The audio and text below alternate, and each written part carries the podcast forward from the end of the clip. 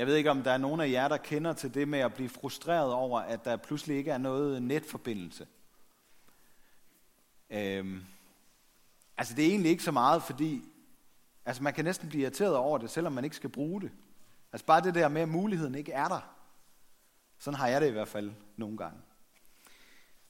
Og jeg ved ikke helt, hvad det er, der er på spil, men, men jeg tror, det er måske noget med det her med at have muligheden. Have muligheder. Jeg vil gerne have mulighed for en masse ting. Og hvis der er et eller andet, der kommer i vejen, så irriterer det mig. Sådan kan jeg også have det i forhold til at spørge om hjælp, hvis der er noget, der ikke fungerer. Det er I sikkert meget bedre til, det der med at spørge andre om hjælp, hvis der er noget, I ikke selv kan klare. Jeg kommer til at tænke på, at det er lidt på samme måde, det her med bøn. Det her med, at vi ved, at der er forbindelse til Gud altid, når som helst, hvor som helst. Jeg kommer til at tænke på,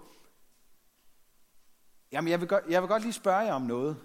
Hvem af jer beder mere, end I er på nettet? Hånden op. Nej. Man skal være ærlig. Øhm, et andet spørgsmål. Hvad vil I opdage først? At forbindelsen til nettet røg, eller at der ikke længere var nogen forbindelse til Gud?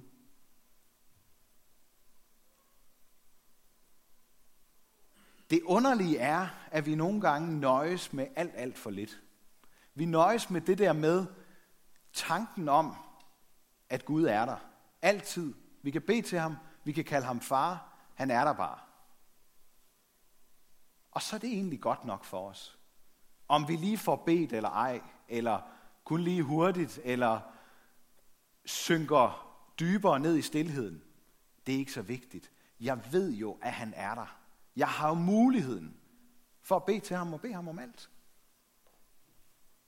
Jeg gør det bare ikke så tit. Jo, jeg gør det, hvis jeg virkelig kommer i problemer. Hvis jeg virkelig oplever, nu er der noget, jeg ikke kan klare selv. Så skal jeg nok bede til ham. Så beder jeg om hjælp.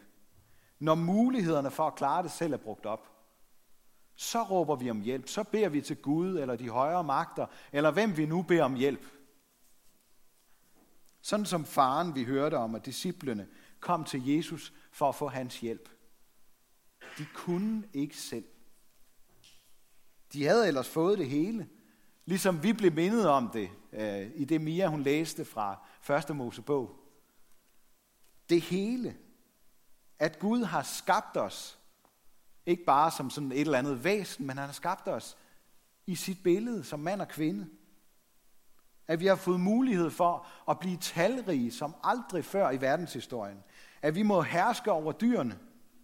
Og der er rigelig mad både til alle dyr og til alle mennesker på hele jorden, hvis vi kunne finde ud af at dele med hinanden. Alle de gode gaver har vi fået af Gud. Vi har fået det hele af ham. Alligevel, så er det som om, der mangler noget.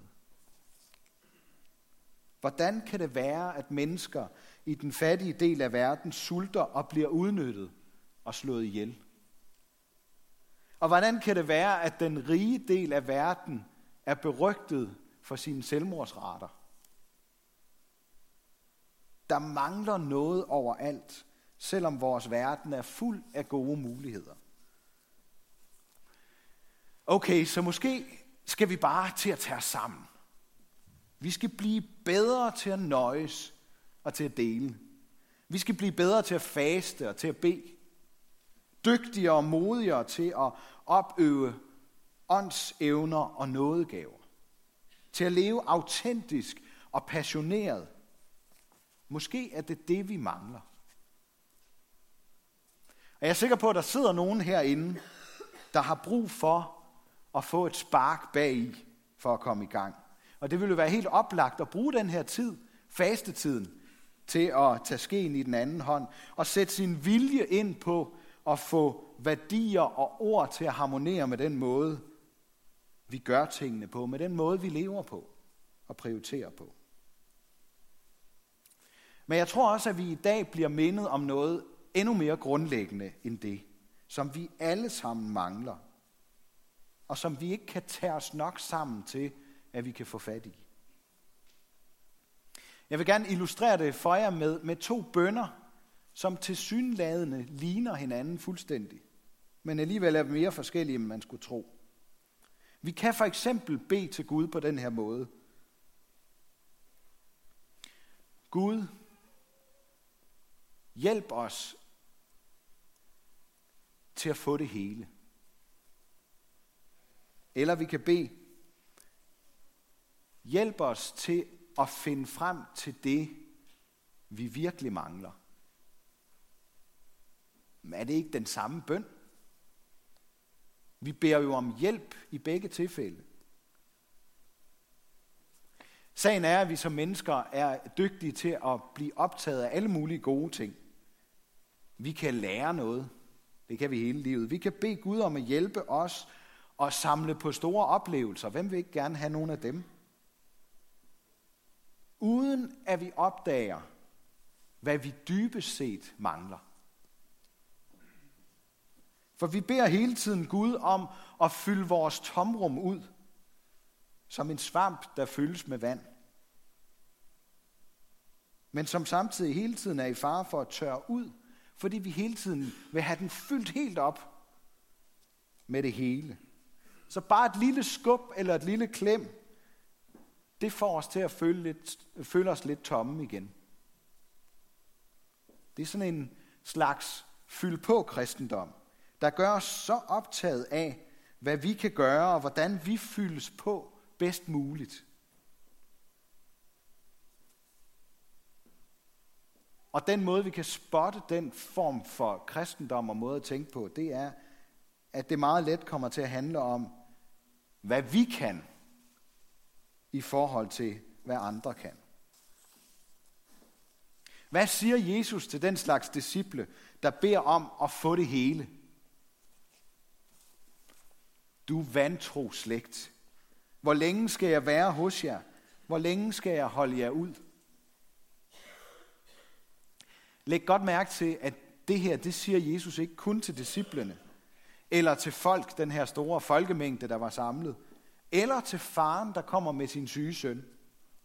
Han siger det til dem alle sammen, uden undtagelse. Han siger det til os alle sammen, uden undtagelse. Du vantro slægt. Det er os, der er den vantro slægt. Det er os, der tror, at vi bare mangler lidt bedre udrustning fra Gud, eller en lille hjælpende hånd, et lille skub i den rigtige retning, og at vi så lige tager os sammen, og så lykkes det. Så skal vi nok klare os mod alle onde ånd, øh, åndsmagter i hele verden. Måske mangler vi bare lige de rette redskaber – til at takle situationen, vi står i. Vi tænker på, vi tænker på den måde, at vi er tæt på at lykkes som mennesker. Måske endda som gode kristne. Men Jesus siger, at vi mangler noget andet og meget mere grundlæggende. Vi mangler tro.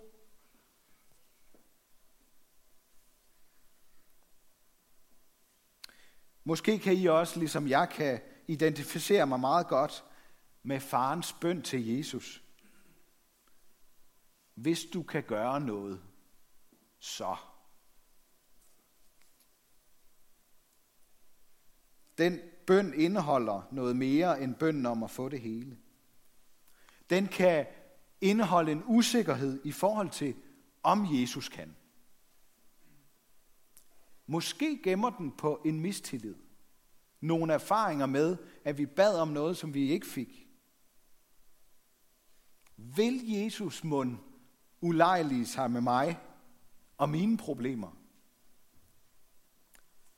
Og samtidig så er den bøn, så kan den bøn være et stærkt udtryk for et håb om en mulighed, der ligger uden for mine egne evner.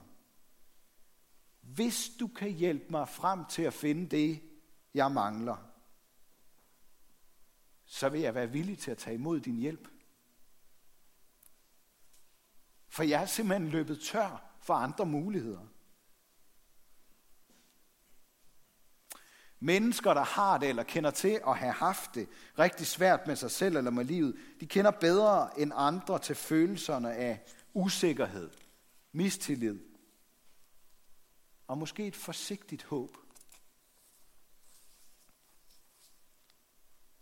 Det kan være så fristende at forsøge at give mennesker en let udvej. Og for eksempel gør den her beretning til en skabelon for, hvordan man får det godt igen med et trylleslag.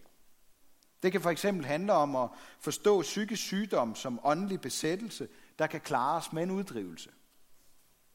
Og uden at lægge mærke til det, så gør vi verden sort-hvid, og vores relation til Jesus til et spørgsmål om tro eller vantro. Så er det enkelte menneske ikke længere så vigtigt, især ikke hvis det ikke passer ind i vores eget system. Når vi møder den slags spekulationer om onde ånder, så kan vi komme til at føle, at vi mangler begreb om den side af virkeligheden. Og det er jo også rigtigt, at vi i vores vestlige kultur på mange måder har fornægtet den ondes eksistens. Men det skal bare ikke få os til at falde i den modsatte grøft, hvor vi tolker alt åndeligt og bliver bange for de onde ånder. Det skal vi ikke være. Vi mangler dybest set ikke begreb om det onde, men vi mangler tro på Guds kraft. Alt er muligt for den, der tror, siger Jesus. Og igen så falder vi let i den grøft, hvor den stærke tro, det er den tro, der kan få det umuligste til at ske, og hvor den svage tro tror, at de mest utrolige ting aldrig sker.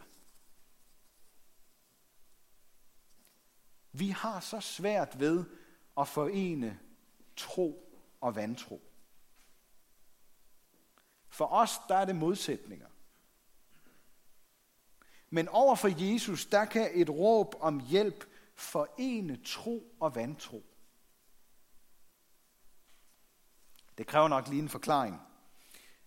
Og jeg tænker, at sønnen til faren, eller måske nærmere farens måde at reagere på i forhold til Jesus, kan vise os noget omkring det her. Fordi til synladende, så siger han jo noget vrøvl. Jeg tror, hjælp min vantro. Jeg kan, og jeg kan ikke. Jeg vil, og jeg vil ikke. Jeg har tillid, og alligevel så har jeg overhovedet ikke nogen tillid.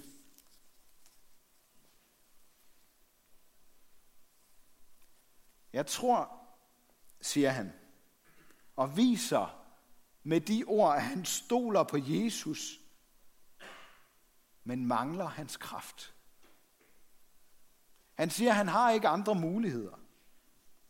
Hjælp min vantro, siger han, og fortæller, at han tvivler på sig selv, og han ved, hvor svag hans tro er, og han kender sin dybe afhængighed af Guds kraft.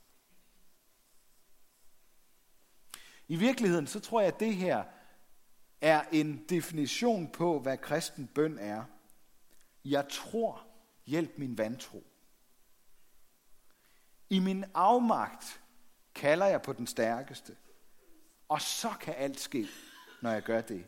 Fordi hans egne forestillinger, hans egen tro ikke længere står i vejen for Jesus.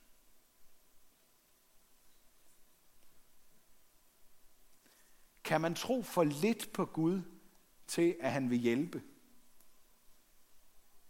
Nej. Kan man tro for meget på sin egen tro til, at Gud kan hjælpe? Ja. Er det ikke underligt omvendt? Det, det burde da være modsat. Altså stor tro, og så kommer det hele. Eller for lille tro, og så, så vælter det hele. Er det ikke også underligt befriende? Det med at bede Jesus om at finde frem til det, vi mangler. I stedet for at bede ham om at fylde os på. Måske er det nogle gange selverkendelse, vi mangler. Måske er det tillid til, at Gud kan skabe troen i mig, der føler mig så fuld af vantro. Måske er det at give Jesus lov til at gøre det samme, som han gjorde med den døve og stumme dreng. Lad I mærke til det. Jesus tog hans hånd og fik ham til at rejse sig op. Jesus vil altid befri os fra vores sønder, som er vores dybeste problem som mennesker. Måske vil han befri os fra sygdom og modgang med det samme. Eller også vil han gøre det en dag. Han ved, hvad vi mangler, og han vil hjælpe os med at finde frem til det. Nogle gange så kan vi være så optaget af at finde frem til det, vi mangler, at vi helt overser de redskaber, som Jesus giver os.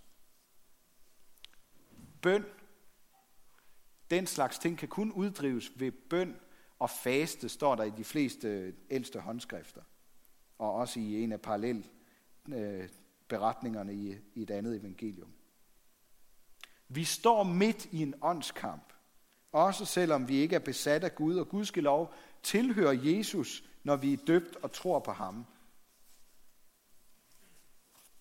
Vi står stadigvæk i en åndskamp, hvor Jesus fortæller os, at bøn og faste, det er redskaberne.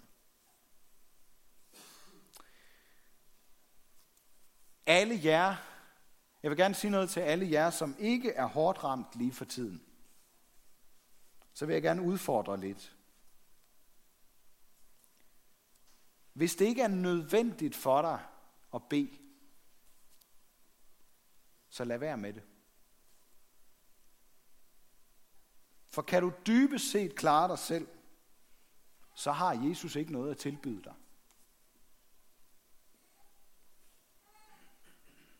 Hvis vi beder Jesus om at få det, vi mangler, for at kunne klare livet selv,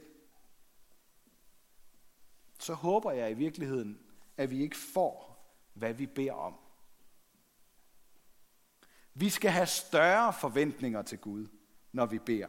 Vi skal ikke nøjes med at bede Gud om en hjælpende hånd, men vi skal lægge det hele over til ham. Vi skal være afhængige af ham. Og hvis vi ikke er det, så skal vi på en eller anden måde finde ud af, at vi er det. Vi skal have forventninger om, at det gør en forskel, når vi beder. At vi er tættere på meningen med livet og med vores eksistens, når vi søger forbindelse til Guds verden. Også når livet er svært og meningsløst. Vi skal tro på, midt i vores vantro, at han har mere til os, end vi kan forestille os her og nu.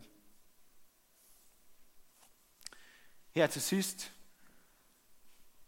kan I, øh, kan I huske, hvad der skete på skabelsens syvende dag?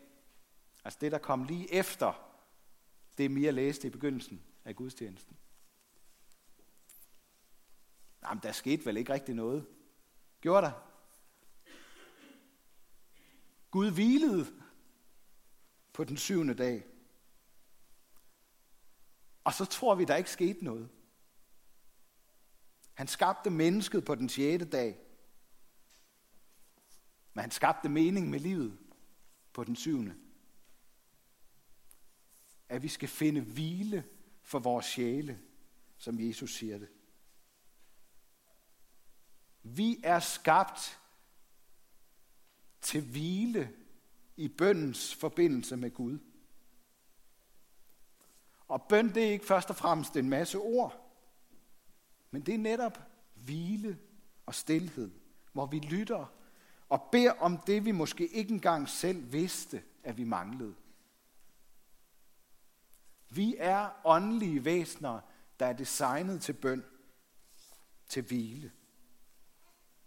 Vi skal ikke bede, fordi det er sjovt, men fordi det er nødvendigt. Ligesom vi trækker vejret. Vi skal bede, fordi vi kommer til os selv og vågner op af de mange muligheders døs. Det Jesus gør for drengen, det kan minde os om, hvad han gør for os, når vi beder ham om hjælp. Hans døvhed og stumhed forsvandt. Og på samme måde så vil Jesus åbne vores ører og give os frimodighed til at komme til ham med alt, hvad vi er fyldt af. Og så vil han give os det, vi mangler. Og han vil give os så rigeligt, at vi har nok til at dele ud til dem, vi møder. Af hjælp og af ord fyldt med håb. Så her til allersidst, hold ud, hjælpen findes. Det gør en forskel at bede Jesus om hjælp. Vores tro lever af den bøn. Vi vil aldrig komme til at fortryde bønnen om at finde frem til det, vi mangler. Hjælp os, Jesus. Hjælp os. Ære være Gud, vores far, der har skabt os i sit billede. Ære være Jesus Kristus, der tog vores straf, så vi kan slippe fri. Ære være Helligånden, ham der gør Guds kærlighed levende for os.